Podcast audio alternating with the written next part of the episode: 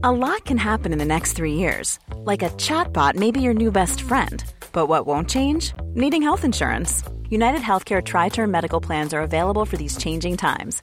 Underwritten by Golden Rule Insurance Company, they offer budget friendly, flexible coverage for people who are in between jobs or missed open enrollment. The plans last nearly three years in some states, with access to a nationwide network of doctors and hospitals. So, for whatever tomorrow brings, United Healthcare Tri Term Medical Plans may be for you. Learn more at uh1.com.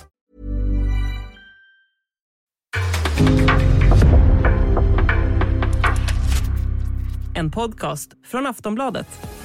Avsnittet presenteras av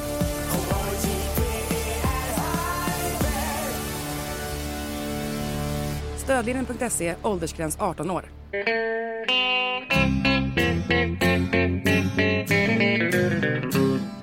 Hello out there, we're on the air. It's hockey night tonight. Tension grows, the whistle blows, and the puck goes down the ice. The goalie jumps and the players bump, and the fans all go insane. Someone roars, Bobby scores at the good old hockey game. Oh, the good old hockey game is the best game you can name, and the best game you can name is the Hallå, hallå, hallå, hallå, hallå, hallå, hallå, hallå, hallå, hallå. Yes, hallå och välkomna till NHL-podcasten med Jonathan Onskan Ekeliv tillbaka i Örby. Eh, och med mig, Per Bjurman, i New York. Vi skulle spela in vårt 451 avsnitt en dag eh, sent för eh, igår var det Valentine's Day och då var turturduvorna i Örby ute och på dejt. Right? Ja, det, det, det blev faktiskt så. Det var inte helt populärt eh, att säga till eh, koner min. Jag får inte säga koner för det är ju ett steg till. Jag har inte varit framme med någon ring eller sånt där. Det är dåligt. Det trodde, det trodde vi att du skulle hala fram en igår. Ja, just det. Nej, inget, inget, inget sånt. Det blev en blomkvast eh, köpte i alla fall. Eh, och vi var ute på, eh, ja, hade en lite mysig eh, Valentine's eh, date kan man säga. Ja. Ja, ja. men det får vi acceptera det, och respektera. Nej, det var, inte, det- det var faktiskt i alla fall så då att det var inte populärt att föreslå att jag skulle köra med Bjurre istället, eh, NHL-podd ikväll, utan eh, Nej. så att eh, så var det. Ja, jag förstår. Jag får, jag får ta andrahandsdejten. Ja, det, det är tydligt. Ja. ja. Ja, ja. eh, Och som sagt, du har varit i Norge men nu är tillbaks hemma i Stockholm. Eller utanför Stockholm. ja, nu sitter jag här i Örby-lägenheten som vanligt. Mm. Ja, och här har vi... I New York har det varit lite vinterstorm och nu är det kallt. Och eh, till helgen eh, har vi utomhusmatcher här på eh, MetLife Stadium i, Jersey. Just det. Och ja, det ser jag väl fram emot med både förfäran och för, lite kittel. ja. ja, det är ju inte nödvändigtvis så ett fenomen som du brukar hylla som ett fantastiskt event att bevaka på plats. Nej, Nej. exakt. Men jag, vill, jag tycker det ska bli spännande att se mäktiga MetLife Stadium backstage. Liksom, omklädningsrum och sånt. Jag tror att det är ganska spektakulärt. Ja, just det. Precis. Och det är du ju mer intresserad av. Du som har varit runt i katakomberna i Allsköns arena borta i Nordamerika och nu får du komma till självaste MetLife och Ja, Mm. ja, det är det bästa med utomhusmatcherna. Man får komma till helt nya arenor och se, se liksom. Ja, som sagt. Eh, hur det ser ut i environgerna. Det var ju för, ja det är ju länge sedan nu. Men vi var ju på Yankee Stadium i Bronx. Det var ju coolt. Ja, just det. i, och hänga i, i Yankees omklädningsrum. Ja, ja, vilka mer arenor vill du lyfta fram som du har varit på? Som inte är de traditionella NHL-arenorna vi brukar... eh, Ja, men det är ju de, eh, de eh, klassiska baseballarenorna där. Vi har Wrigley Field i, i Chicago. Ja, just det. Och, och vad heter det nu då, i Boston? Ja, den, den har ju varit utanför i alla fall. Boston Red Sox Fenway Park heter den. Just det, Fenway Park, det var ju jävligt coolt, såklart. Eh, Michigan Stadium i Ann Arbor, som ju är en, av världens största arenor, det var vi över 100 000. Ja, det är ju helt sjukt. Alltså, över 100 000 i en arena. Ja. Ja. Så det var ju coolt. Eh, och ja, Cotton Bowl i Dallas också, för att det var där Sverige spelade åttondelsfinal mot Saudiarabien i VM 94, så komma dit kändes som att komma till Holy Ground. ja, det förstår jag. Det förstår jag. Ja, här är det så synd att man är född 1990 och liksom har eh, noll minnen av den, den sommaren. Det är man ju avundsjuk på. Alltså. Ja, men du ska vara glad att du är ung. Du slipper, Ja, vara, så här gammal. Du, du slipper vara så här gammal. Alltså, okej. Ja. Ja. Ja. Ja, ja. Ja, men du, eh, vad gäller övrigt då, eh, veckan som gått sen sist, så vi trodde att, eh, eller ja, vi sa väl, det händer väl som vanligt en del att prata om och det har det mycket riktigt gjort. Ja, jo men eh, så är det ju alltid i NHL. Att eh, det finns saker för oss att ta tag i när det har gått en vecka mellan att vi pratar här i podden. Och ja, så sent som här för någon timme sedan innan vi spelade in så, så smällde det till igen. Och i det här fallet så var det någonting som jag har varit på spåren lite grann i de senaste avsnitten. Eh, du har trott att det ska bli stora rubriker i finska tidningarna. Jag, har inte, jag kan ju visserligen inte finska så jag vet inte om det har varit det. Men att Jarmo Kekkeläinen borde få gå från Columbus. Och eh, Ja nu har han faktiskt fått sparken. Ja, för en gångs skull hade vi bra timing med inspelningen här. Just det. Eh, Ja. Att det sker innan vi spelar in istället för efter. Vi ska inte säga för mycket nu för det kan ju hända saker här bara för det. Men... Ja, ja, men, men att han har fått sparken är i alla fall helt eh, säkert. Ja. Jo, det är stora nyheter på Sanomat. Eh, Kommenti, Heppelainen skandali, oli viimeinen naula Jarmo Käkkeläinen arkkuun. Oj! Skandal och grejer.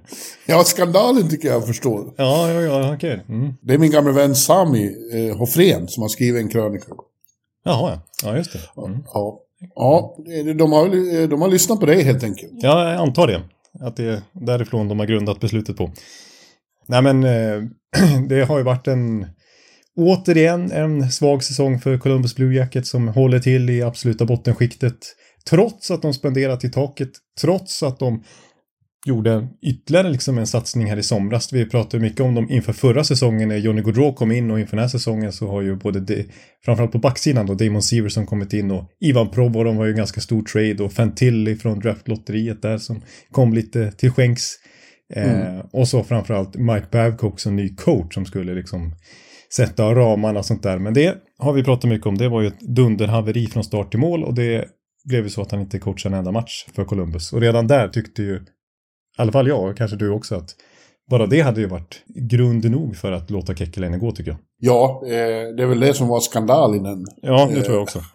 ja, eh, att, eh, att han alls rörde Babcock, att det blev som det blev. Det var ju ett praktfiasko. Ja. Men eh, han har ju fått fortsätta då, så, så jag, jag vet inte, tidpunkten känns kanske lite udda. Som har sparkat sin GM i mitten av februari. Eh, eh, Kort inför deadline också. Ja, exakt. Och eh, tills vidare går ju John Davidson ner och han är ju ett... Eh, han har ju vana av det. Han har rutin, han har haft den rollen tidigare. I Rangers till exempel och i St. Louis. Jag tycker dock måste jag säga att jag, har, jag gillar ju Davidson, det är en sympatisk man i min uppfattning. Eh, men jag tycker att han och Jarmo ändå hör ihop lite grann. De jobbar ju ihop även i St. Louis. Det var väl lite därför som Davidson fick komma till Columbus nu för deras starka koppling ihop. Eh, och han var ju såklart delaktig i Babcock-anställningen här också. Så jag, jag tycker att de skulle börja helt från början. Ja, jag tycker inte Davidson nödvändigtvis ska få vara kvar heller. Men alltså, Hårda, hårda ekor. Ja, jag är hård här nu mot stackars Davidson och Kekalainen, men jag tycker att... Eh, ja, jag vill se något helt nytt där. Alltså. Ja, det, det har verkligen gått i stå i Columbus, det är nog helt klart. Eh, men men eh, jag såg nu att det spekuleras redan i nya namn då. Jag vet inte hur snabba de tänker vara med det, men de kommer ju inte få in en ny GM innan deadline. Det är ju bara några veckor dit. Ja, det, Eh. det är tveksamt. Ja. Vad har, du, att, vad har du sett för namn då? Nej, jag såg att Darren Dreger eh, spekulerar om att de borde ringa eh, Montreal och försöka få loss eh, hans gamla radarpartner här i New York. Ja, Jeff Eh, Gorton alltså. Jeff Gorton, ja. De hör ihop också. Ja, just det. Ja. Men de fick ju sparken här, så jag vet inte. Ja, ja, precis. Just det. Båda fick spark från Rangers. Ja, jo. Ja, nej, vi får se hur, hur de agerar. Men eh, Kekkeläinen, det är ju ändå en era som går i graven lite grann får man säga. Han, han ju sitta, det var ju historiskt när han anställdes som första europé på GM-posten. Nu är jag ju, Ja eller ja, det har inte följts av så jättemånga exempel. Men Alvin gör ju stor succé i NHL-ledande Vancouver nu. Så det är ju, funkar ju uppenbarligen bra att ha en europeisk general manager på den posten. Och Kekiläinen fick i alla fall sitta i 11 år. Men eh, eh, ja, när vi har pratat om Columbus här senaste tiden så har jag ju dragit upp en hel del negativa exempel som jag tycker Kekiläinen håller på med totalt sett över sin period. Och det som har varit positivt, det är väl den perioden som Tortorella var där. Mm. Eh, Det, det, men faktum är att tittar man över 11 år så de lyckades bara gå till slutspel en gång när inte Tortorella var där. Och under Tortorella så var det enda gången de lyckades vinna en slutspelsrunda. Och det var ju den här berömda Tampa-serien som jag inte vill så gärna gå in på. Men det var enda gången de vann en slutspelsrunda under Kekkeleinens eh, dryga decennium i klubben. Eh, Så det har inte varit så jätteframgångsrikt får man säga. Ekeliv, han gillar inte Kekkeläinen. Det, är bara så. Men- jag, jag förstår inte. Ja, det skulle Jarkko kunna säga, ja. Ja, Men för, alltså, samtidigt så här, jag gillade ju Kekkeläinen vill jag påstå. Eh, Alltså jag har inget emot honom så. Jag tyck, han, han, han fick ju, han förtjänade chansen när han fick den för, för massa år sedan då. Eftersom att han hade ju, han var ju, hade ju framförallt gjort sig ett namn för att ha ett väldigt bra scoutöga. Eh, dels i Ottawa inledningsvis, eh, som draftade väldigt bra där runt millennieskiftet och innan. Och sen så kom han ju till St. Louis och var ansvarig för deras scouting och, och gjorde några kontroversiella val som visade sig bli väldigt lyckade. Till exempel T.J. Oshie, när han valdes i första rundan så tyckte många att han, de reachade lite för honom och det, oj, det var väl oväntat eh, val att ta Oshie med den positionen och han gjorde ju succé. David Backe som framtida lagkapten lite längre ner.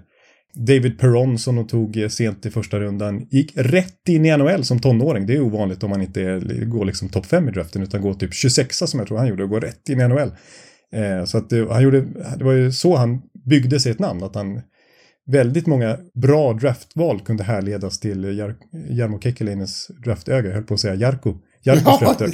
jag hörde det. Ja, men eh, eh, så att han, han förtjänar verkligen den platsen. Men i Columbus vet jag inte om man, om man har sett så mycket prov på det, sådana här extremt lyckade draftval och sånt. Men, men eh, han har ändå varit en frisk fläkt. Han har försökt flera gånger. Det var ju lite speciellt när han tog in Tortorella som inte som ansågs som lite dinosaurie då efter fiaskot i Vancouver och Ja. total fiasko i World Cup. Men, men han fick verkligen förtroende av Kekkeläinen och, och fick ju fart på Columbus under några år där. Och han har gjort några blockbusters. Han försökte det där 2019-året med, med att ta in Duchene till exempel. Det var en stor blockbuster när Seth Jones rakt av mot Ryan Johansson en gång i tiden. Han har bytt till sig Marian Gaborik när han ändå var rätt het.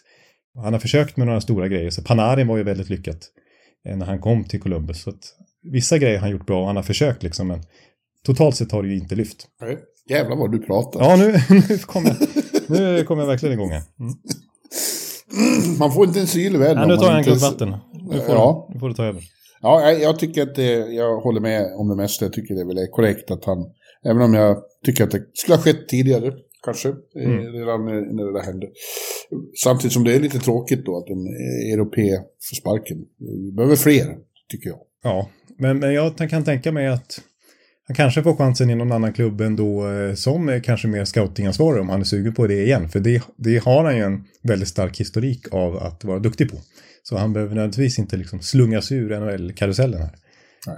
Nej, vi får se. Han landar säkert på fötterna. Ja. Eh, ja, eh, annars så har ju den stora snackisen den gångna, gångna veckan varit situationen i Ottawa. Ja, Eh, oj. eh, Tomma burgaten. ja det blev en jättegrej. Empty, Goalnet Gate. Eh, Mm.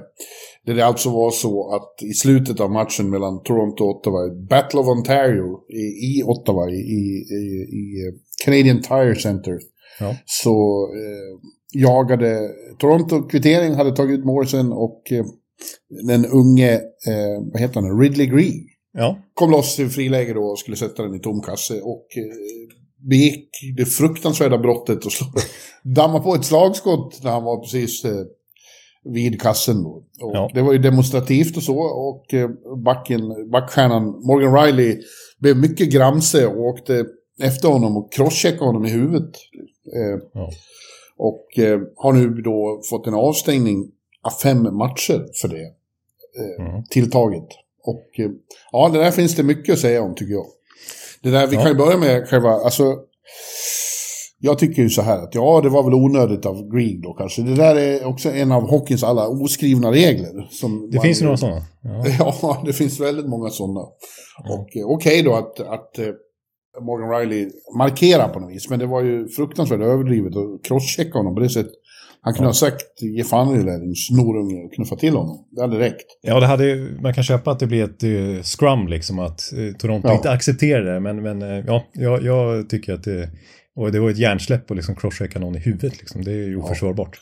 Samtidigt så tycker jag det det är överdrivet att han stängs av i fem matcher. Det har, vi har ju sett betydligt grövre saker som detta besynnerliga eh, Department of Player Safety eh, bara rycker på axlarna åt eller bötfäller eller så. Och eh, så här, så grovt var det ju ändå inte så fem matcher, eller hur? Det är ju knäppt.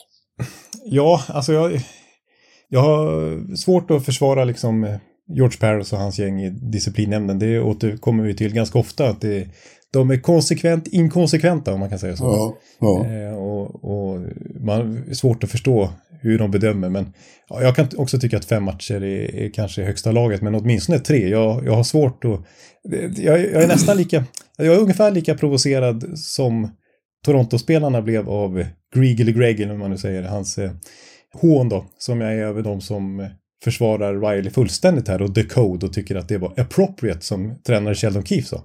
Att Ja. agera på det där viset. För det är ju bara ren idioti som absolut inte har med liksom fysisk hockey att göra eller sånt där. Alltså det där är ju bara idioti liksom. Så att, eh, Ja, det där, alltså jag fattar inte eh, de här oskrivna reglerna. Många av dem är ju bara töntiga. Att de, med vuxna män som inte kan ja, liksom slappna av lite. Vad fan, vad betyder det om han skjuter eller föser in den? Är det så fruktansvärt hånfullt och hemskt och bedrövligt? Ja, det, är, det är inte första gången om man säger så, som vi ser. Jag, vet, bara, jag som Tampa-supporter har inte så mycket att säga om att vara lättkränkt när det kommer till... Nej. det, Nej, exakt. eh, när- Ja, det finns ju flera. eh, De tyckte att Linus eh, Omark slog en för provocerande straff på dem när han var eh, liksom... Ja, precis. En, och speciellt när det är en ung spelare. Du, Ja. du som inte, då har du liksom inte pondus än att få, få hålla på med sådana där grejer. Eh, och när Ovechkin då eh, tappade klubban för att den var för het och så kunde han inte ta upp det igen. Det tyckte ju Tampa-spelarna var fruktansvärt provocerande. Ja. Ja. För inte tala om när de var här på Garden och Anisimov firade ett mål genom att gå ner på knä och låtsas skjuta. ja, just det. Då, då, Ja, då- spårar det ur också. Då vart ju eh, Le Cavalier fullständigt vansinnig och kastade sig över honom. Ja. Ja. Vad, vad är det för lättkränkta figurer? Jag, jag, jag kommer också att tänka på situationen också mellan Ottawa och Toronto. Mm. I slutspelet var det 0-2 eller 0-3. När i en match då så fick ju Mats Sundin utvisning för att han, skö- han sköt av klubban och så slängde han upp den trasiga Just det, klubban på läktaren. det. Matchen därpå skjuter Alfie, Daniel Alfredsson skjuter av sin klubba. Och på skämt då markerar att han ska slänga upp den också. Just det. Och det var ju också fruktansvärt. eh, Det var ju, ett, eh, det var ju helt oacceptabelt. Ja, Det, i själva verket var, hade ju Daniel som vanligt väldigt mycket humor. Det var ju fruktansvärt roligt gjort. ja, ja. Det borde de kunna skratta. Nej, nej, nej, så får man inte göra. Nej, nej, precis. Nej, men exakt. Ja. Och det finns ju massa, det räcker ju med att Trevor Seagrass gör ett Zorro-mål så blir folk upprörda liksom och tycker Ja. att det är oseriöst och sådär. Ja, vilka jävla eh, gubbstruttar i, i, i ung ålder liksom. Ja. Slappna av lite. Ja, It's entertainment, it's show. Det är publiken har kommit dit för att se show. ja, exakt. Och visst, jag kan hålla med om att man kan tolka den som lite osportsligt av Ridley Gregg att göra den här grejen då, men samtidigt då så liksom nästa match eh, här nu när Ottawa spelar hemma, då jublar publiken varje gång han är pucken. Så fort de zoomar in han på jumbotronen så blir det nästan stående ovationer. Nu är det liksom Ja. för att han hittar på något som var lite utanför ramarna. Ja. Och att det varit som kontroverser. Och, och få Toronto-spelare upprörda och avstängda och muttrande coacher och allt. Ja. Ja. Athletic hade faktiskt igår en hel artikel om de 20 eh, största oskrivna reglerna. Liksom. Det är en, om man skjuter efter avblåsning medvetet på målvakt, det är en annan sak. Då kan man ju skada. Det, Ja. det, det håller jag med. Men det är mycket annat som är bra underligt. Ja, det, det räcker med att jag går in i ett omklädningsrum så, så kan jag ju bryta mot massa oskrivna regler. Det vet vi också. Så det, det är mycket man ska Ja. hålla koll på. Trampa på, på klubbmärket. Samtidigt som de själva kör skridskorna över ett klubbmärke på isen hela tiden. Ja, ja det, är inte, det är inga konstigheter. Nej. Ja, ja. Men eh, ja, nu har Morgan Riley då överklagat beslutet. Eh, Ja, Och vi får se när han, om det går igenom. Förmodligen inte. Det brukar ju vara så att Gary nästan aldrig... han underkänner ju lite sin egen organisation. Ja. Liksom. Det kommer nog att stå fast. Och det är ett slag för Toronto såklart. Han är deras bästa back. Ja, precis. Och det är ju ett viktigt skede av säsongen. Det är det väl hela tiden. Men jag menar, Toronto eh, ligger ju faktiskt på wildcard-plats nu. Eh, Ja. Och har inte så många poängs marginal. Så Nej. att eh, det är... Nu gjorde de ju faktiskt en bra match, ska vi säga. Den första utan Morgan Riley när de mötte St. Louis häromdagen på hemmaplan. Och vinner med 4-1. Och då saknar de även Mitch Marner och John Tavares som var sjuka. Just det, så det var ett riktigt manfall. Och då kliver en sån som Bobby McMahon fram och gör hattrick. Ja, ja men då, då sled, det var som att de använde både avstängningen och de där andra frånfällorna på, som bränsle. Liksom krigade på ett sätt som inte Toronto alltid gör. Nej, precis. Jag tyckte faktiskt det var lite uppfriskande att se bredden i Toronto kliva fram på det viset och verkligen fixa den där segern. För det har vi ju pratat om mycket, att de har utöver Big Four så har de bytt ut hela sin forwardsuppsättning sedan 2021. Liksom. Ja. Väldigt kort tid och försökt hitta nya konstellationer och sådär. Och det har varit eh, att det, ingen vågar riktigt stå upp mot Big Four och att det är tyst i omklädningsrummet utöver att de pratar och sådär. Eh, och kollar man på statistiken den här säsongen så är det faktiskt bara Kalle Järnkrok utöver Big Four, som alltså är Tavares, Nylander, Marner och Matthews då, som har gjort tvåsiffrigt antal mål. Ja. Medan kollar vi på många andra lag så är det betydligt fler. Alltså Vancouver som leder NHL då. Där är det tio spelare som åtminstone gjort tvåsiffrigt antal mål. Så att de har ju återigen haft problem med secondary scoring för det har inte varit någon supersuccé för typ Tyler Bertuzzi heller nu när han har kommit in och ska bidra liksom. Ja. Men eh, här i den här matchen, första matchen utan Riley i alla fall, så var det faktiskt bredden som gav dem segern. Ja, och, och mot ett bra lag. St. Louis är ju, eh, jag tror vi kommer att återkomma till dem lite senare, men, Mm. de har ju varit eh, en, en överraskning för mig. De har faktiskt fått lite snurr efter coachbytet. Ja, och framförallt ja, här på slutet så har de radat upp ett antal ganska imponerande segrar. Ja. ja, men nu får Toronto fortsätta. Nu tror jag Nylander också är sjuk. Så Oj, eh, det går något virus. Ja, det verkar så. Så det kan bli tufft. Eh, De spelar väl ikväll, va? Mot, eh, Ja, precis. De möter mot, väl mot. Flyer. Ja, det kan bli tufft. Ja, annars har de så här, på pappret kanske inte det värsta spelschemat här eh, medan Riley är borta. De ska möta Arizona och Anaheim till exempel. Och sen har de St. Louis igen då, på bortaplan. Ja, men då gäller det att motivera sig mot de inte bästa lagen. Det Nej. kan vara ett problem ibland. Ja, det, de har en förmåga att torska de matcherna faktiskt, Toronto. Ja, ja. Du, en annan eh, nyhet, roligare får vi väl kalla den, är att eh, vi också har hörsammat eh, vårt, vår bön om att Phil Kessel eh, borde få en chans någonstans. Ja. Och bara vara, om, om inte annat bara vara med och höja stämningen. Ja, Eh, ja precis. Och det är såklart då eh, Patrik Alvin som har eh, tagit vad jag tycker är ett no-brainer beslut som andra borde ha tagit också. Så att, nu är Phil Kessel i Abbotsford och tränar med AHL-laget och sen kommer han väl upp och, och, och det kommer att bli klang och jubel i, i Rogers Arena när han kommer ut. Han, kommer, han är ju publikfavorit. Jo, nej, men det är ju en... Eh, det är ju en frisk fläkt. Det är ju något som eh, höjer stämningen eh, både på läktaren och i omklädningsrummet. Kanske inte lika mycket på isen längre, men... Men ja, samt han gjorde ju faktiskt 36 poäng i fjol, Phil Kessel, och fyllde en hyfsad funktion där i Vegas när det var lite skadeproblem och sådär. Sen var han ju faktiskt petad i slutspelet då. Eh, hans Iron Man streak över tusen matcher ju, eh, var ju fortfarande aktiv. Men eh, ja, vi får se hur, hur bra han är nu. Men, men har man spelat varenda match när man haft kontrakt sedan 2009 så kan jag tänka mig att han har förmågan, trots att han slänger i sig en del hotdogs och älskar glass och så vidare, och lite bärs tror jag också, att eh, faktiskt eh, fortfarande kunna bidra som 36-åring. Ja, det är i alla fall ingen, det är ingen stor risk att ta och, och ta in honom.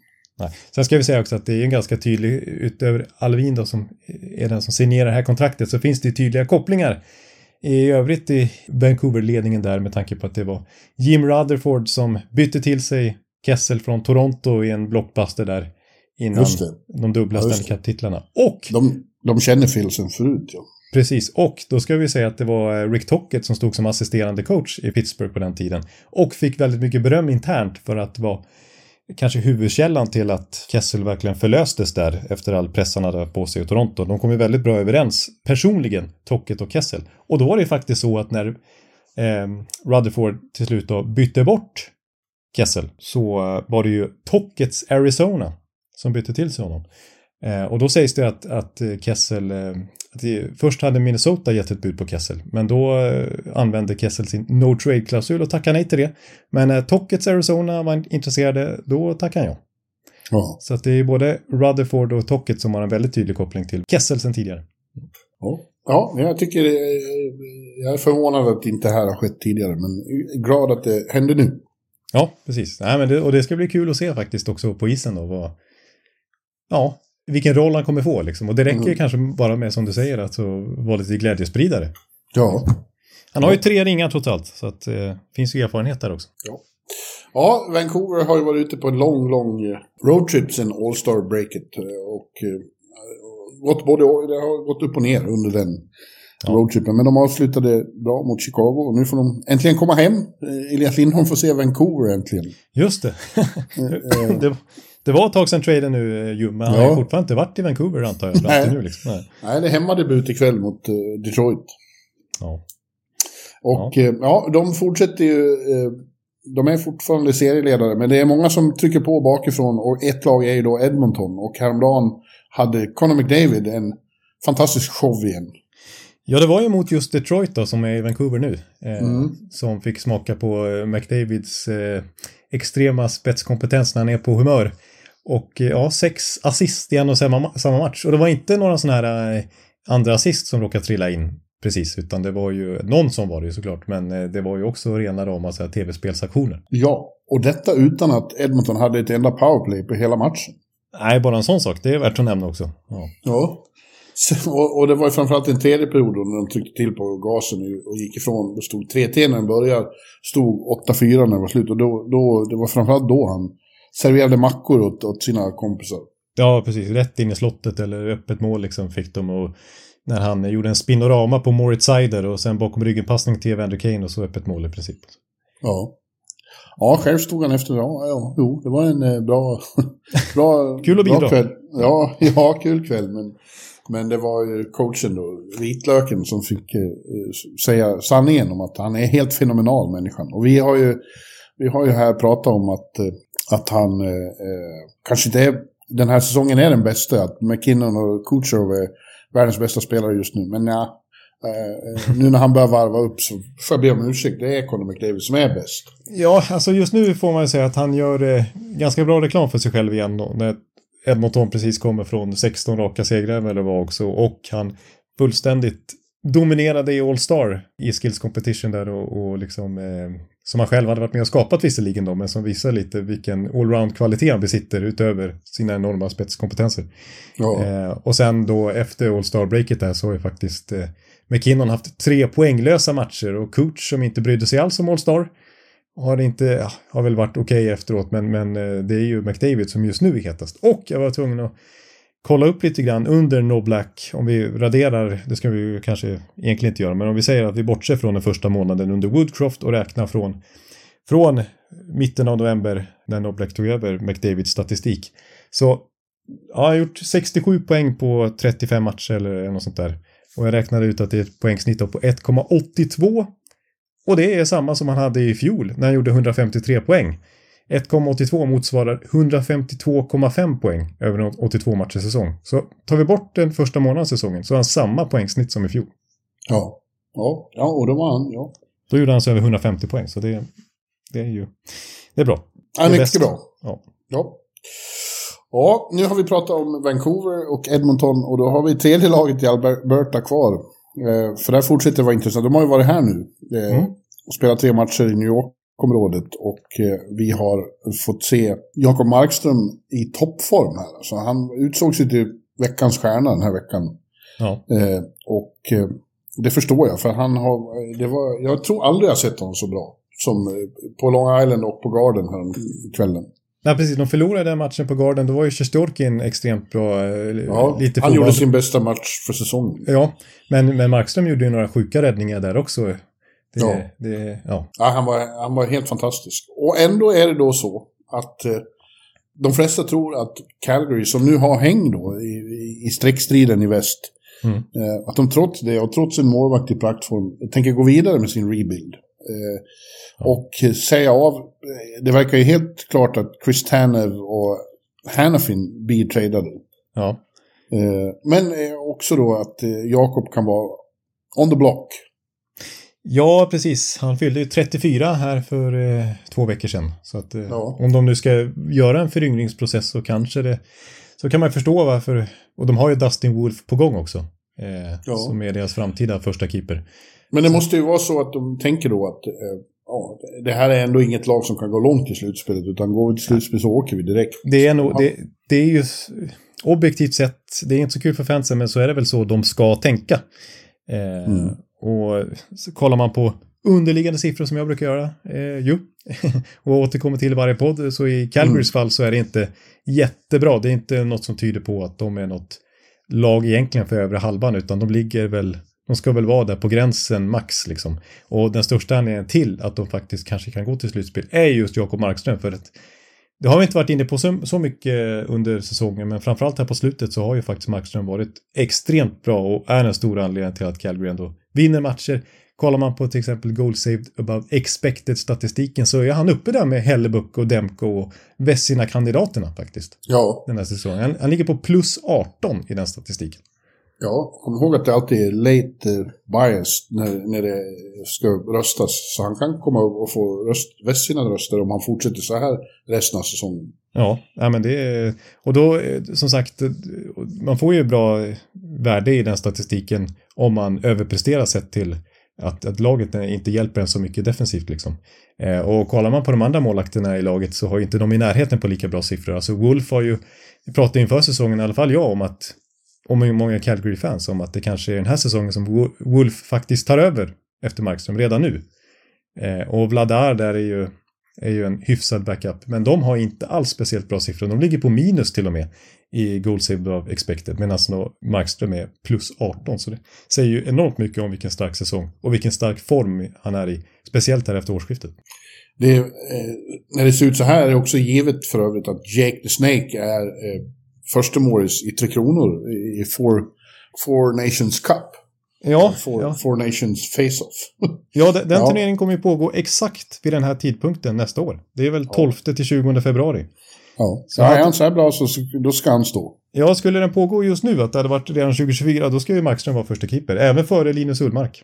Ja. Eh, just nu, Ja. så ja, nej, men jag håller, håller med. Och så vill jag lägga till, fyra assist har han gjort också. Han Ja. ligger före Ryan Reeves i poängligan till exempel. ja, och det var inte långt ifrån att han gjorde mål här på, på Long Island. Då hade ju Ja, just det.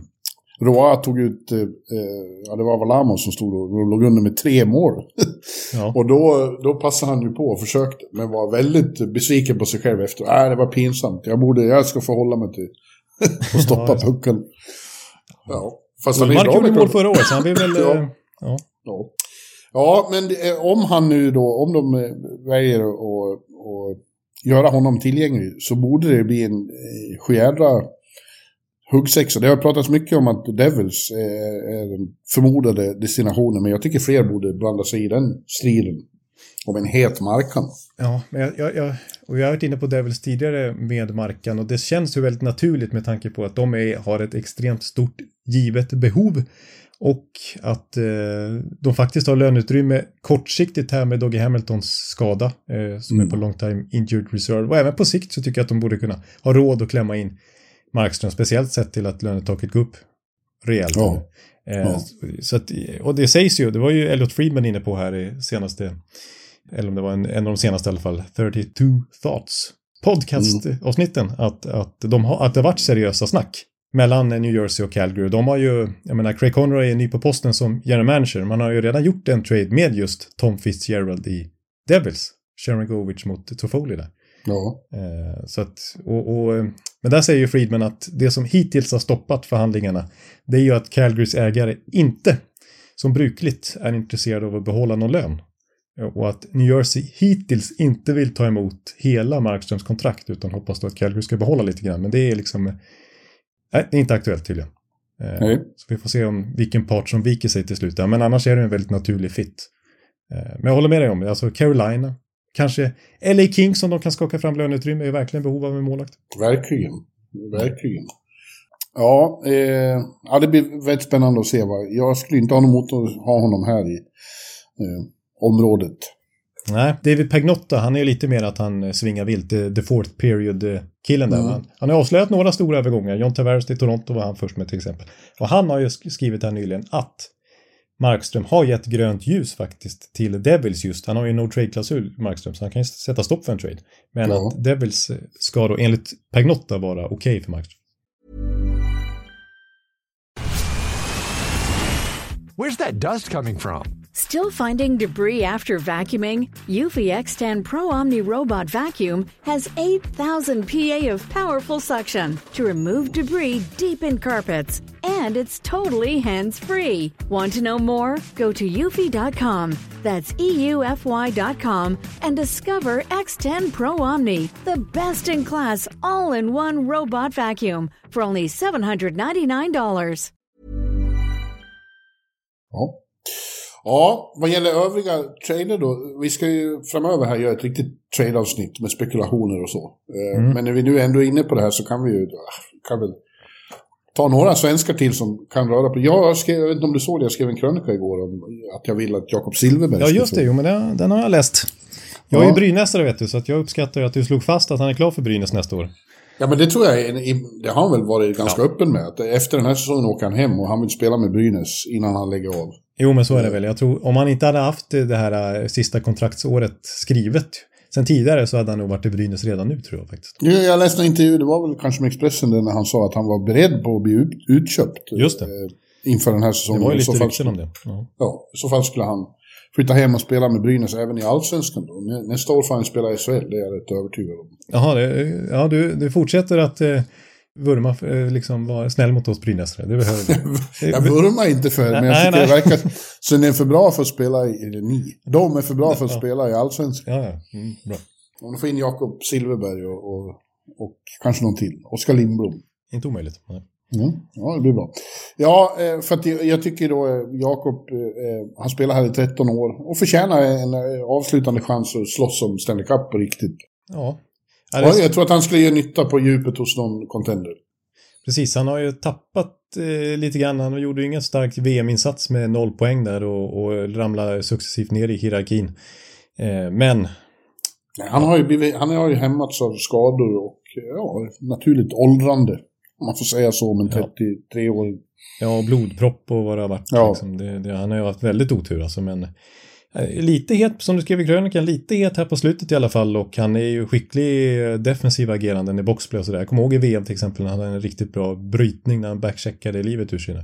Ja. Eh, Så att det, det är, som en rollspelare i alla fall, så, och om Anaheim behåller lön, för han har ju ganska hög lön, så, så är det inte omöjligt att något lag skulle vara intresserad.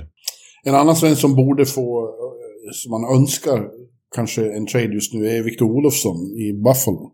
Han har hamnat lite i limbo där och blivit utdömd som endimensionell, att han bara har sitt skott och bara kan användas i, i powerplay. Mm. Eh, jag tror att en nytändning skulle kunna äga rum någon annanstans. Ja, jag hoppas också det. Golofsson, jag menar man får inte det Ja. smeknamnet hur som helst. Nej. Eh, Han var ju riktigt het för ett par år sedan i alla fall. Sen så när alla de här nya Buffalo-stjärnorna kom fram i takt med att liksom Buffalo andades nytt liv lite grann och det byttes ut på ledarpositioner och så, här, så hän- kändes det som att Olofsson liksom hamnade lite i skymundan. Liksom. Ja. Han har, ju, han har ju också en rätt hög lön som han fick då när han var som bäst, men han är fortfarande i prime-ålder. Så det, är väl det, det är väl den där lönen som hämmar honom lite grann att bli tradad, att något lag ska våga, för det är ju trots allt en liten chansning att han ska hitta tillbaka till den nivån, men han är fortfarande som sagt liksom i en bra ålder. Och eh, ja, han känns det som att han är god för 30-35 mål kanske om man, om man Ja. verkligen får förtroende och eh, kommer upp i, i sin högsta nivå. Ja. ja. Eh, ett tag trodde jag kanske att Carl Grund, Grundström i LA också var eh, tänkbart att bli tradad. Likaså Viktor Arvidsson som ju gör comeback efter lång skada ikväll. Ja, han har blivit aktiverad nu till slut. Ja, och här, det är här är ni, mot Devils här i Jersey. Jag kan inte bestämma för om jag ska gå på den matchen eller på Rangers Montreal. Vad tycker du? Ja. Det är kallt ute, det är jobbigt att ta sig från New Jersey efteråt. Ja, just det. Ja, ja den är svår. Det är... ja, Rangers är ju heta just nu. Ja. Eh, och eh, samtidigt intressant då med LA som måste verkligen studsa tillbaka efter 0-7 mot Buffalo.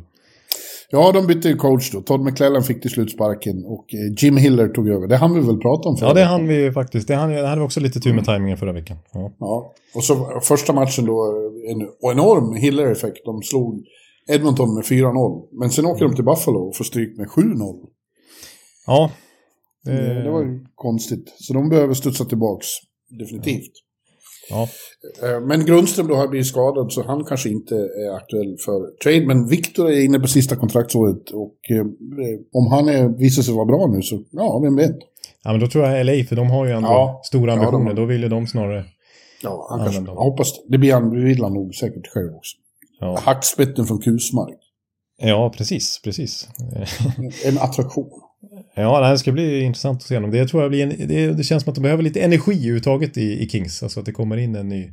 Men han är, har ju energi, han kallas ju för hackspetten till och med. Ja. Eh, alltså för att det, det känns... Det, jag är förvånad över, vi har pratat mycket Kings, men jag är ändå förvånad över den här utvecklingen att de har så, att liksom golvet bara rasar ihop. För jag tyckte att under McLellens senare år där när det började verkligen ta form i LA Kings att de hade en väldigt hög lägsta nivå. Och att det var den här äh, högsta nivån som kanske inte var tillräckligt hög för att de skulle gå riktigt långt i slutspel. Att de till slut föll lite på spetsen. Eh, och att de försökte åtgärda det till exempel med Dubois-trade och, och bli ytterligare spetsigare. Men det har ju blivit Ja, vi har pratat mycket om det. Just den traden har ju verkligen inte blivit lyckad och målvaktssidan är ju verkligen ett problem.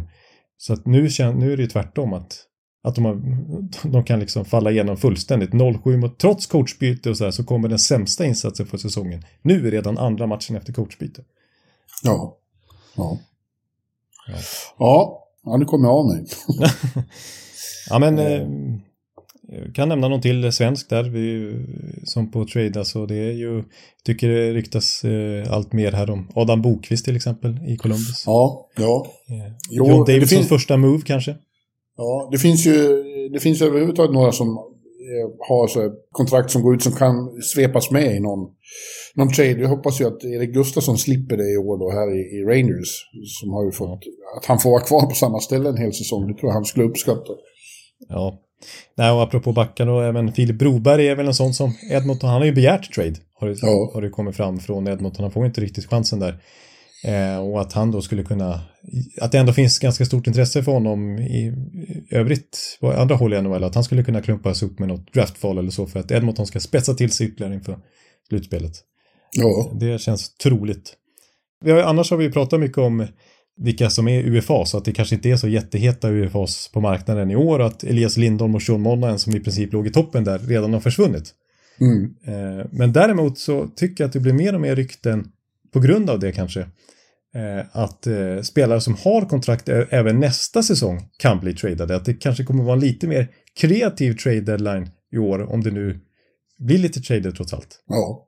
ja, det händer ju ibland. Som eh, Mattias Ekholm i fjol till Edmonton. Ja, ja, det, ja, det är ju ett bra exempel. Eh, ja. ja. men nu till exempel, jag har nämnt Janne Gård eh, i tidigare podd. Eh, jag tycker att det, det dyker upp lite med eh, Pavel Butchnevich, St. Louis.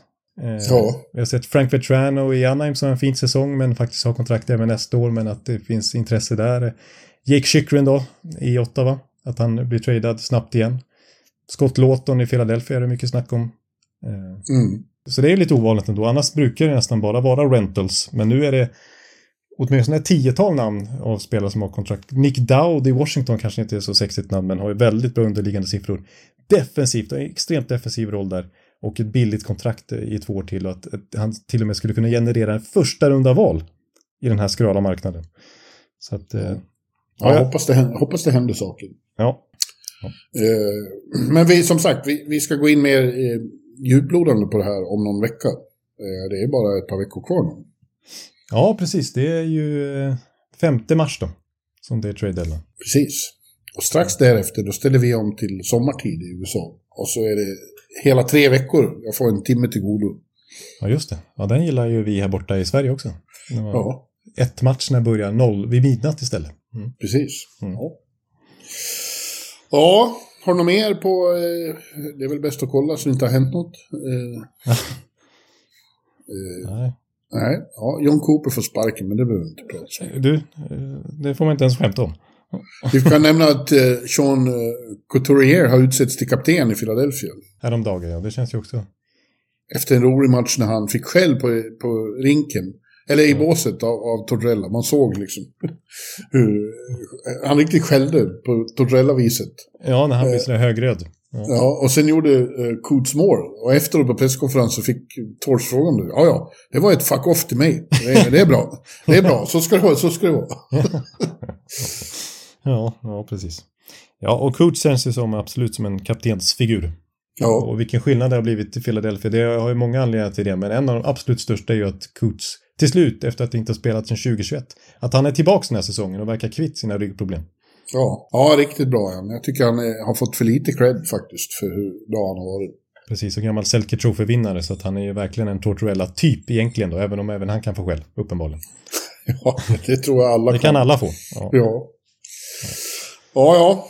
Men du, vi hade en liten eh, specialare vi tänkte idag också då. Eh, Ja. Som du kom upp med. Eh, att vi... Eh, utropstecken eh, som har gått lite under radarn under säsongen, tyckte du? Eh, både positiva och negativa.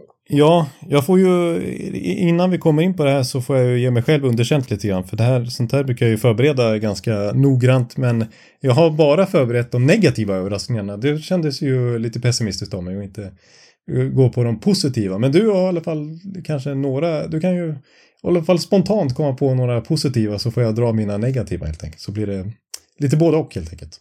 Ja. Ja, jag har inte heller hunnit titta så jättemycket på det här. Men, men eh, eh, inte för att jag hade någon, eh, vad heter det, Valentine's Date. Men Nej. ändå. Jag var ute ändå och stökade med en kompis.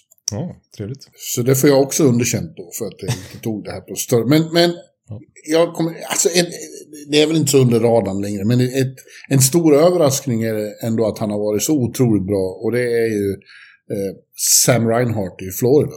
Eh, som har varit i princip deras bästa forward i, ett, i en uppställning där det finns väldigt många tunga namn. Eh, Ja, Matthew Kitchak och Barkov och... Ja, det är ju något med Florida. Det är ett, ett, nu för tiden, de senaste åren, ett lag dit spelare kommer och på nytt föds. Eh, Ja. Han har ju varit bra och var bra i fjol också, men, men det här är ju det slutliga liksom, genombrottet och blivit en av ligans främsta offensiva vapen. Ja, alltså just nu är han ju on pace för 60 mål. Ja, Alltså han öser in mål. Eh, och Paul Maurice sa ju häromdagen tyckte jag mig läsa att han är den, ja, typ den, en av i alla fall de smartaste spelare han någonsin har coachat. Ja den enda, det enda undantaget, vem var det som han mer sa? Det, det var inte Barkov, Eh, utan Var det Rod Brindamore han sa? Ja, från nej, Carolina. nej Ron, Ron Francis. Ron Francis var det, just det. Ja. Så smartare än Rod Brindamore i alla fall. ja. ja. Det får man väl ändå säga. Det har ju varit säsongens nästan det namn som står ut mest faktiskt. Ja, för visst, det är en bra spelare liksom som är god för en 60 poäng och sådär, men redan nu har han ju krossat det. Eh, och att han på kontraktsår dessutom ska slå till med den här säsongen och vara med i absoluta toppen av poängligan och inte minst skytteligan. Ja. Han kommer få betalt när lönetaket höjs när det numera också. Och det blir ju svårt för Florida att behålla honom. Ja. Så är det ju. Ja, nej, jag håller verkligen eh, med om att han, han är väl det största utrops, enskilda utropstecknet den här säsongen. Eh, Jag, nej, jag, det här har jag inte förberett då, men jag kommer spontant att tänka på Noah Dobson i Islanders som ändå ligger trea i backarnas poängliga. Så bra har inte han varit tidigare. Liksom. Nej. Men ska inte du ta en negativ? Ja, just det. Jo, jag ska, inte, jag ska vara lite mer negativ. Eh, ja, och här har jag valt att liksom bortse från, det skulle vara som sagt under radarn, så jag kommer inte liksom säga Pierre-Luc Dubois nu. Ut-. Det blir för uppenbart. Eh, så jag tar eh, en som Larry Brooks sopade på ganska ordentligt i en krönika nyligen. Timo Meyer i New Jersey Devils. Ja. Eh, Det var ju ändå vid den här tidpunkten i fjol som vi snackade upp honom rejält och det var huggsexa på trademarknaden eftersom han var den hetaste rentalspelaren då kanske. Eh, och Devils offrade en hel del för att få in honom och sen skrev de ett fett nytt kontrakt här inför den här säsongen på 8, var 70 miljoner dollar för, för åtta år. Men det har inte motsvarat den här säsongen. Alltså. Han har haft, visserligen haft lite skadeproblem men inte gjort speciellt mycket poäng. Eh, och eh, i plus minus statistiken som man kan säga vad man vill om, där, där är bland de sämsta i hela ligan. Och även om man bara räknar 5 mot 5 som jag tycker är den relevanta plus minus statistiken så ligger han på minus 17. Ja. Eh, och har dåliga expected goals och sådär så även de underliggande siffrorna är inte till hans fördel. Riktigt fiasko hittills den investeringen av Devils. ja, det är ju tyvärr så för deras del att fr- de här namnen, de har några stycken som har varit, när han är hel är ju Jack Hughes kanon då, och även Ja. Bra- Bratten. Men de har ju tunga namn bakom där. Eh, Palat och, och Meyer eh, till exempel då. Mm. Och, och de har ju underpresterat. Det är därför det inte har gått bättre. Det är målvaktssituation. Precis, de har ju liksom nu när de här unga spelarna verkligen har tagit fart. Bratt som har där ett tag men fortfarande är hyfsat ung, han är ju bara 25-26 år. Och sen så Jack Hughes då som har varit inne i ligan ett tag, Nico Hischier med flera, verkligen har blivit riktiga toppspelare i ligan. Så har de ju försökt omgärda dem med liksom beprövad kvalitet. Men det är som du säger, många av dem har ju inte blivit det där lyftet som de hade tänkt sig. Nej. Det ser, ser ju ut som att de missar slutspel kanske. Toffoli. Eh, Okej, okay, men inte, inget... Inte något riktigt... Det har varit motvind där ute. Nu har de ju vunnit ett par matcher i alla fall. Så de har häng på slutspelet. Jag, jag skulle tippa att, i synnerhet om de får in Markan och eh, Hughes får vara frisk och de kanske får igång någon... Kanske Meyer, han gjorde ju mål här de sista i alla fall. Ja, det finns ju en bra spelare i honom, det är, så är det ju såklart. Om man ja, bara får, får det att lossna. Mm. Jag tror att de, jag tror mer att de går till slutspel än att Detroit gör det. tror jag. Ja, ja, men, eh, ja, det blir spännande. Det är några lag som verkligen trycker på underifrån där. Island, alltså så, som det skulle vara liksom, de själva skulle betrakta som lite fiasko om de missar slutspel. Devils är ju ett av dem. De var, satsar ändå nu trea hela NHL förra säsongen. Vi har ju Pittsburgh som toksatsar och som börjar bli, som Erik Karlsson-traden och allt det här. Det skulle ju vara ett verkligt fiasko för Kyle Dubas om de inte ens går till slutspel. Ja, eh, New York Islanders. Ja. Jag har ju trott på Pittsburgh att de ska göra att det kommer att lossna, men nu jag börjar undra alltså. Ja, mycket, de har ju torskat rubbet här sen All Star. Jag vet inte om du, han är väl kanske inte under radarn då, men, men Malkin borde ju vara med på din lista där. Han har en riktigt svag säsong. Ja, nej, jag har faktiskt en annan ryss. Ja. Ska jag ta honom eller vill du ta någon Nej. positiv? Ja, vi varvar här. Ja, bra. Och, och, och nu är det mer, eh, inte så mycket en enskild spelare som en position i ett lag. Där flera stycken har eh, varit mycket bättre än väntat. Och det är Boston då. Där eh, mm. de förlorade Patrice Bergeron. Men det är Charlie Coyle och Pavel Sacha framförallt. Men även Morgan Geeky. Och nu Jesper Bokvist har, har sett till att det verkligen har varit gediget down eh, the middle i Bruins i år med. Ja. ja, ja, det får man ju säga. Jag är, jag är förvånad. Ja, jag med. Det är Charlie Coyle som spelar mellan Marchand och, och Pasternak nu då. Men gör ett utmärkt jobb. Men det är väl som Marchand sa för några veckor sedan att eh, eh, om, man, om man bortser från Pasta då, som är ett kapitel för sig, så är det som i mycket högre grad som, som kollektiv och som lag de, de har framgång nu. Ja. De måste göra det, i, som han sa, by committee. Ja, och jag får väl, eh, jag kommer ihåg eh, när jag pratade med Hampus Lindholm inför säsongen där i, när det var det NHL-eventet att han liksom eh, själv sa att han inte nödvändigtvis använt uttrycket, det gamla slitna uttrycket att det sitter i väggarna förut, men sen han kom till Boston har han liksom, tycker han att det stämmer, att det är, det är något speciellt i kulturen. Bara man liksom pratar med arenapersonalen där och materialarna och ismaskinisterna och allting, att det, det är en kultur där som han inte upplevt på något annat ställe. Som, ja, verkligen, verkligen, som verkar göra att det, det går bra ändå. Liksom. Ja, ja det, och sen är, får man ju, det, det, måste ju tillskrivas ära åt uh, Jim Montgomery också. Det är mycket hans system ja. som, som gör att det här laget fungerar. Trots att man tar, tar bort enormt viktiga pjäser som vi trodde. Precis, och de, jag menar förra året när de var så bra också, även den här säsongen, men de, de hade ju en hel del skadeproblem. Det är inte så att de har gått genom säsongerna eh, med fullt manskap och på så vis eh, kunnat mönstra bästa uppställning åtminstone hela tiden. Utan det har varit tunga avbräck lite här och där hela tiden och ändå så bara rullar det på. Lagmaskinen Boston. Ja. Ja. Ja, får vi en, en Negg-ekan? Ja, då tar jag med en spelare som vi nödvändigtvis inte har negligerat hela säsongen, men som jag tycker det är dags att understryka igen. Nu har han visserligen gjort mål i sex raka matcher, men Alexander Ovechkin, att han så här i februari ligger på delad 106 plats i skytteligan. Ja. Det... Nej, inte mig emot. Nej, nej, du har ju, vi, ja, om man ser honom på andra sätt än rent hockeymässigt så kan man ju, kanske man inte är den man hejar mest på precis. Ehm, men ja, 14 mål hittills den här säsongen. Som sagt i alla fall eh, sex raka matcher med mål. Men det är ju inte alls det här, den här som det har varit i liksom nästan 20 år i NHL. Att man vet att han gör mål där från vänstra teckningscirkeln oavsett hur, mycket man försöker punkta bort honom. Mm. Så är det inte längre. Jag menar, Washington är ett av ligans sämsta PP. Eh, Ovechkin gör ju inte mål längre. Hans skottprocent är visserligen nere på 7% men det är ju för att han, han är inte lika, han har inte en lika mördande bössa längre. Uppenbarligen. eh, Nej, alla blir gamla. Tiden, time waits for no one. Men jag vill inte prata så mycket om honom. Nej.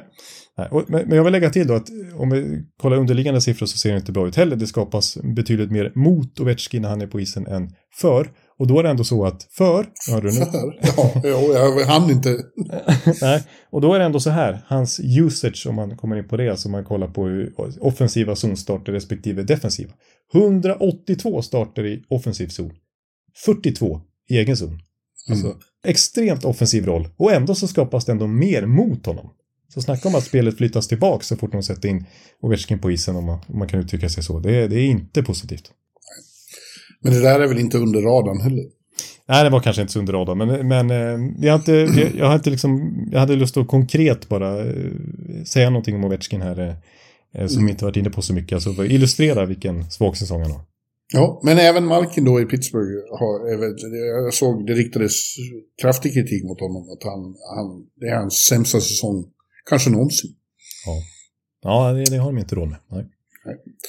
I Vancouver finns det ju många, tycker jag, som eh, man skulle kunna peka på. Mycket, har, mycket ljus har ju riktats mot Miller och Besser, att de har sådana fantastiska säsonger.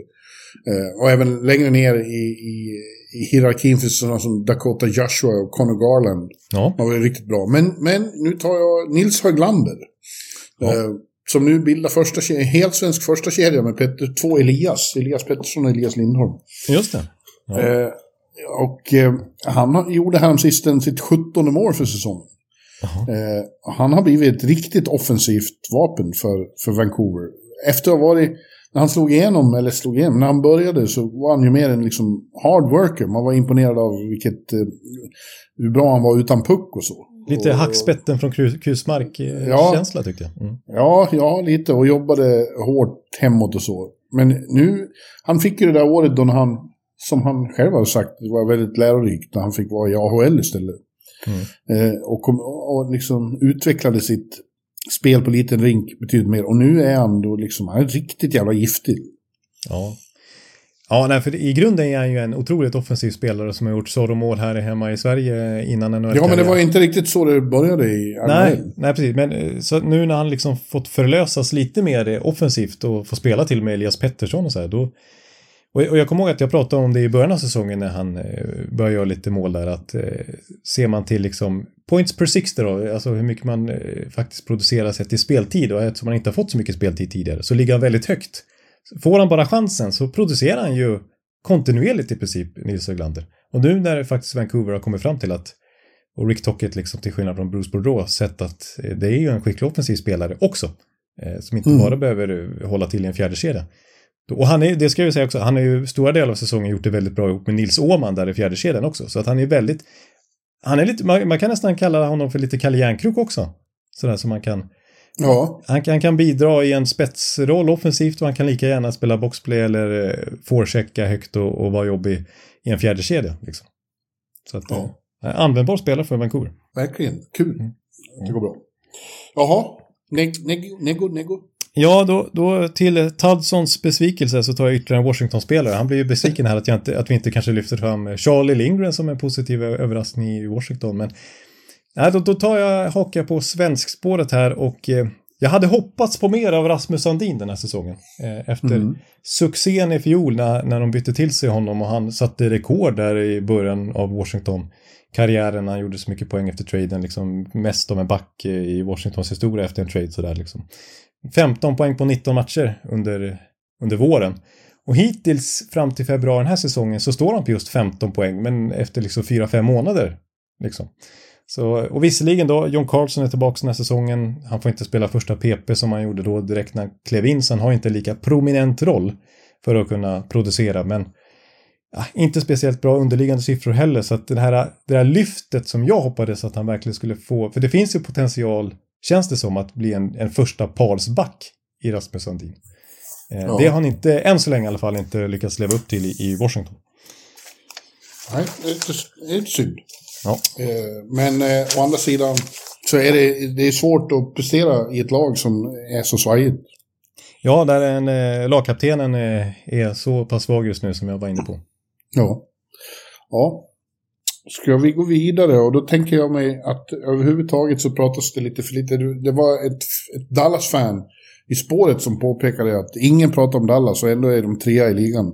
Det är faktiskt så att de, de toppar eh, Central-tabellen nu före Colorado och före Winnipeg.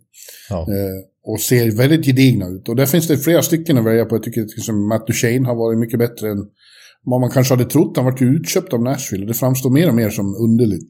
Ja. Eh, Mason Marshment är ett annat namn. Men, men jag tar en back. Det- har ju så länge hetat att de har bara en back och att det är Ja. Miro Heiskanen. Han är ju överlägsen där. Men Thomas Harley. Ja, jag köper rätt av. Hade jag fått ju liksom förberett den här positiva listan så hade jag haft med han topp 5 här också. Så är det. Ja. 13 mål av en, av en eh, 22-åring som eh, inte har pratat så jättemycket om i förväg. Nej. Och eh, ett, ett av många väldigt fina utropstecken i Dallas. Talangbanken där, alltså eh, Dallas, som får fram så mycket talanger, eh, vare sig de vill eller inte känns det som. Alltså det är, vi har redan pratat om den generationen med Hintz och Robertson och Wattinger och, och 2017-draften där, men nu är det liksom nästa våg här med Wyatt Johnston och Thomas Harley och så då, då poängligaledande eh, Stan Coven och eh, vad heter den andra då? Eh, Maverick Bork i AHL, som liksom är alldeles för bra för AHL, också förtjänar chansen i NHL. Men då, vem ska de peta då liksom i det där Dallas-laget och få in dem också? Det, alltså det, de har så mycket talanger så att man blir ju oerhört avundsjuk som motståndarsupport. Ja, jag tror att Dallas kan bli ett, ett hot i vår, definitivt. Eh, Ja. De var ju ända till konferensfinal redan i fjol. Ja, ja Eh, precis. eh, och de kan ta det här ett steg längre. Jag varnar för Dallas. Och nu slipper alltså Miro Heiskanen dras med Ryan Suter i backpar. Nu är det Thomas Harley. Det är ett, jag, jag lyfte ju fram det som ett av ligans bästa backpar här när vi rankade backpar här för några veckor sedan. Ja. Så att, eh, ja. Ja, Ja, bra. ja men uh, ja, har du mer? Eh, ja, vad har jag nu? Jag har två till. Mm. Eh, Då har jag två till också. Nej, då har jag en till. En till, ja. Eh, ja, men då säger jag väl Ville Husso eh, i Detroit. Målvakten. Ja, det är kanske lite orättvist med tanke på hur mycket skadad han har varit. Och när han äntligen kom tillbaka nu här i den där Edmonton-matchen. Då släppte han ett mål och sen blev han utbytt och verkar som att ha slagit upp skadan igen. Lion kom in istället och släppte in sju då, eh, stackars Mm. mot, eh, mot McDavid där. Men, eh, så Husso är skadad igen och vi får se om han ens kommer tillbaka den här säsongen. Vi får se hur allvarligt det är. Så det är kanske lite hårt, men jag tycker ändå så här, med tanke på hur mycket de investerar i honom inför förra säsongen då, eh, få en lön på nästan 5 miljoner dollar trots att han bara spelat drygt 50 NHL-matcher. Det vittnar om vilket det, hur enormt hårt de satsade på honom liksom. Eh, och var inte jättebra förra säsongen. Hade perioder i fjol när han var okej, men slutade ändå under 90 procent. I år skadedrabbad visserligen, men under 90 procent igen och, och de kände sig nödgade att ta in både Reimer och Lion på envägskontrakt inför säsongen för att säkra upp målvaktssidan för de inte kände sig trygga med, med Husse liksom. Eh, så att nej, det har inte varit någon, någon lyckad värvning hittills av eh, Steve Eisenman. Eh, och när de tog in honom så hade de ju enorma förhoppningar och det har ju inte alls levt upp till. Nej. Nej. Eh, så markan till Detroit. ja, eh, ja, ja, det är inte... Nej, precis. Nej.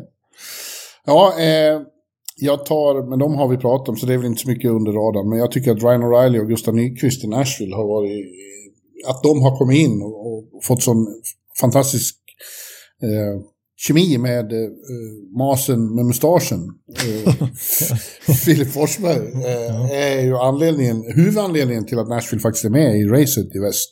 Ja. Eh, jag trodde ju på dem innan säsongen och jag tycker att jag har fått rätt om att det var två väldigt bra värvningar. ja, jag var inte lika positiv, men eh, där har Bjurre satt ner foten. Ja, Eh, och inte minst Gustav Nyqvist och Ryan O'Reilly. Ja. nej, det är de som har satt ner foten. Ja, det är faktiskt jag. de som, det är väl kanske så. Ja, ja jag, jag, jag köper den rakt Det är en väldigt potent kedja. Ja, ja, de var ju nämnvärda där också när vi rankade de bästa kedjorna. Jag menar, de har ju Exakt. verkligen dragit loket onekligen där i Nashville som du säger. Ja. Men det finns, eh, det, finns, det finns väldigt många fler. Det finns ju några i Philadelphia till exempel som förtjänar att lyftas fram. Även om det verkligen är laget där mer än något annat på Tortorella-vis. Ja. Eh, I St. Louis, eh, Tycker Robert Thomas är lite Ja. underskattad fortfarande? ja, ja. Och Bushnevnis som du nämnde som, som tänkbar trade-figur, han har också varit bra. Ja, han, alltså han är ju... Nu eh, ligger han på 40 på 50 matcher, sånt där, 40 poäng. Men alltså de två första säsongerna, lite i skymundan också, så har han gjort, varit över point per game liksom. Så Ja. eh, han är verkligen... Den där traden vann ju St. Louis överlägset mot Rangers. Eh, för Sammy Blaze är ju, som de fick utbyta, han är ju tillbaka i St. Louis. Precis. Martin Ne- Ne- Nechas, eller hur säger man nu? Ja, Marty Natchez, eller det där lät ju väldigt amerikaniserat. På tjeckiska, vad är det då? Martin. Natchez. Ja, ja, han har ju varit bra också. Och gjorde ett fantastiskt hattrick här sist. Han gjorde 1-0, 2-0 och 3-0 i första perioden. Det är ett äkta hattrick. Ja, det, ja, just det. Ja. Äh, Det, det, det finns många här man skulle kunna lyfta Ja, fram. Det, ja, exakt. Men så ta nu du din, eh, din sista positiv, eh, negativ. Ja, den, den, eh, precis. Eh, ah, eh, ja, men jag kände att jag kanske skulle tagit något ännu mer under raden här än det jag skrivit upp här. Men, jag- men jag har eh, inte hjärnkapacitet här efter dryga timmen att komma på något bättre än det jag har skrivit upp. Och det är Tage Thompson i Buffalo Sabres. Också lite orättvist kanske med tanke på skadeproblem att han bröt handen där under hösten. Och, och det är klart att vi har ju sett ju en sån som självaste Austin Matthews haft problem att göra mål med, med handproblem också såklart. Det är ju ganska viktigt om man ska kunna skjuta. Ja, Men han har ändå bara missat tiotal matcher och spelat över 40 den här säsongen och eh, eller närmare 50 kanske snart. Eh, och i fjol så gjorde han ju nästan 100 poäng, han gjorde nästan 50 mål och var ju verkligen eh, en Jack Eichel efterträdare där i Buffalo Sabres som ny franchise center och liksom också eh, loket för att använda det uttrycket i, i, i laget offensivt. Men den här säsongen så har det, även innan skadan så började han ju väldigt svagt. gjorde bara en poäng på sina första sex matcher innan skadan. Och, och efter det har han inte varit sig lik heller. Och i fjol så var det ju så potent deras powerplay där när Tage stod och sköt direktskott från vänstra teckningscirkeln som en Ovechkin i gamla dagar. Men det har inte heller funkat. Det har varit sönderläst den här säsongen. Och de ligger ju precis som Washington i botten av powerplay-statistiken. Och, och bara 15 mål hittills av Tage Thompson. Så att, eh, nej.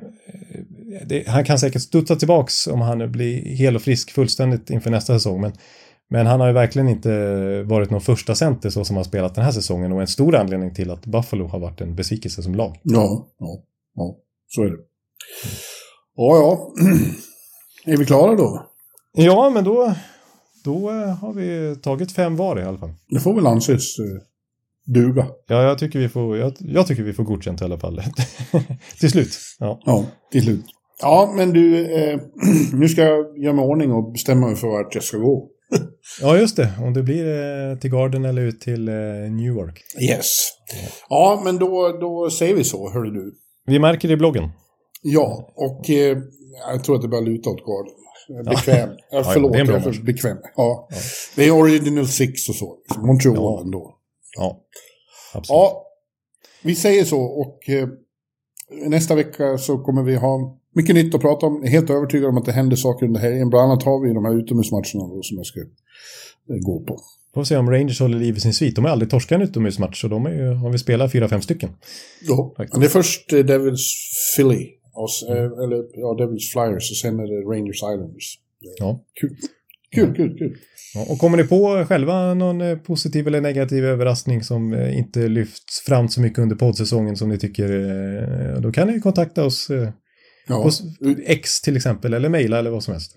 Bara ni inte nämner oss som negativa. Ja, just det, just det. Nej, det får ni helst inte göra. Det, förhoppningsvis inte. Ja. Ja, men ha så gott. Vi hörs om en vecka. Hej då! Hej, hej! Hallå, hallå, hallå. Hallå, hallå, hallå. Alex Chiazot, Joe Luis Arena och Esposito. Esposito. Uttalsproblem, men vi tjötar ändå. Och alla kan vara lugna, inspelningsknappen är på. Bjuder Hanna Kohl, han är grym i sin roll. Från Kållesoffan har han fullständig kontroll på det som händer och sker. Det blir ju allt fler som rattar in hans blogg. Och lyssna på hans podd. One, two, time, speed, so Hallå, hallå, hallå. One, two, time, speed, so Hallå, hallå, hallå. Ekeliv, som är ung och har driv. Verkar stor och stark och känns allmänt massiv. Han hejar på Tampa och älskar Hedman. Sjunger som Sinatra. Ja, och där ser man. Nu är det dags för refräng. Dags för magi, Victor Norén. Du är ett geni. Så stand up at home and remove your hats. Höj volym, för nu är det plats. One, two, time, speed, so Hallå, hallå, hallå. One, two, time, speed, so Hallå, hallå, hallå. One, two, time, speed, so Hallå, hallå, hallå. One, two, time, speed, so Hallå, hallå, hallå. Det er utroligt længe siden mor, der samtidig også har råd. Hallå, hallå, hallå. Det er utroligt længe siden mor, der samtidig også har råd.